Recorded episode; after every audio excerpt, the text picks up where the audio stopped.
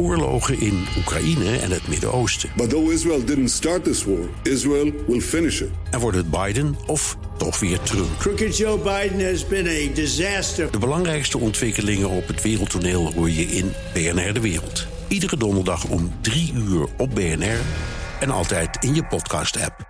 Premier Mark Rutte is de nieuwe ster in Europa. In de aanloop naar de Europese top staan journalisten en regeringsleiders te popelen om hem te spreken. Zo ook de Franse president Macron, die vlak voor de verkiezingsuitslag nog op flitsbezoek kwam. Europa-verslaggever Laurens Groeneveld. Waar dankt Rutte zijn populariteit aan? Plotselinge populariteit, mag ik wel zeggen. Ja, Rutte lijkt een beetje de man geworden waar niemand in Europa meer omheen kan. En dat heeft allemaal te maken met een aantal zetten die hij deze maand gedaan heeft. En dat begon uh, met die speech in Berlijn. Toen zei hij: uh, Europa begint en eindigt bij de lidstaten. En het is tijd dat we die regels eens gaan naleven. En toen een paar dagen later had je opeens die, die alliantie, de, de slecht weercoalitie. Met de landen uit Noord-Europa en de Baltische Staten. Die allemaal zeiden: Nou, wij delen die ideeën van Rutte eigenlijk wel. En toen deze week was er een interview in Der Spiegel, grote Duitse tijdschrift. En daarin zei hij: uh, De Fransen en de Duitsers kunnen wel met allemaal voorstellen gaan komen. Maar wij gaan die niet zomaar afstempelen. En dat. Um, nou ja, dat geluid lijkt toch in andere hoofdsteden in Europa flink gehoord te zijn. Ook, uh, die mening wordt ook gedeeld daar. Dus mensen gaan naar Rutte kijken nu. Kwam daarom de Franse president Macron notabene op onze verkiezingsdag hals over kop naar Den Haag? Hij zegt zelf van niet. Het uh, stond allemaal al lang gepland. Nou, je hebt de foto's misschien gezien. Hè? Ze zaten samen in een Franse bistro. Ja.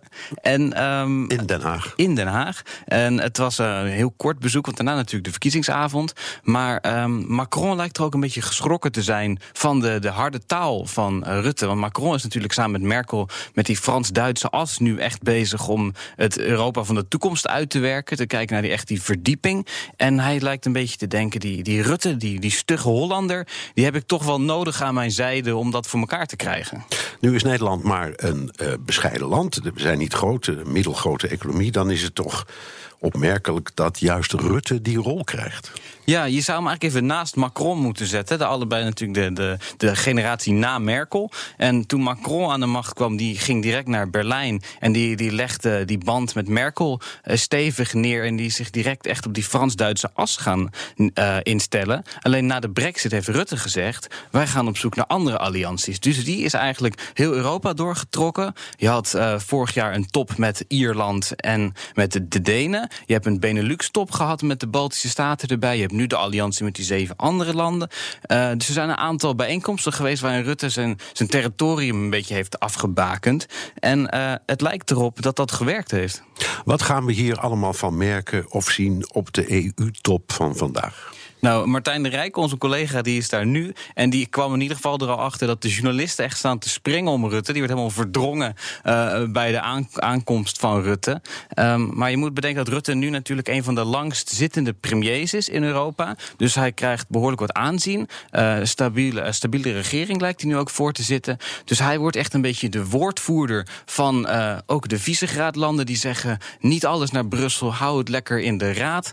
En die boodschap die zal die vanmiddag stevig neerzetten. En daar moeten ook Macron en Merkel dus naar gaan luisteren. Ja, het is uh, de premier van het grootste van de kleine landen, zullen we maar zeggen. Oké, okay.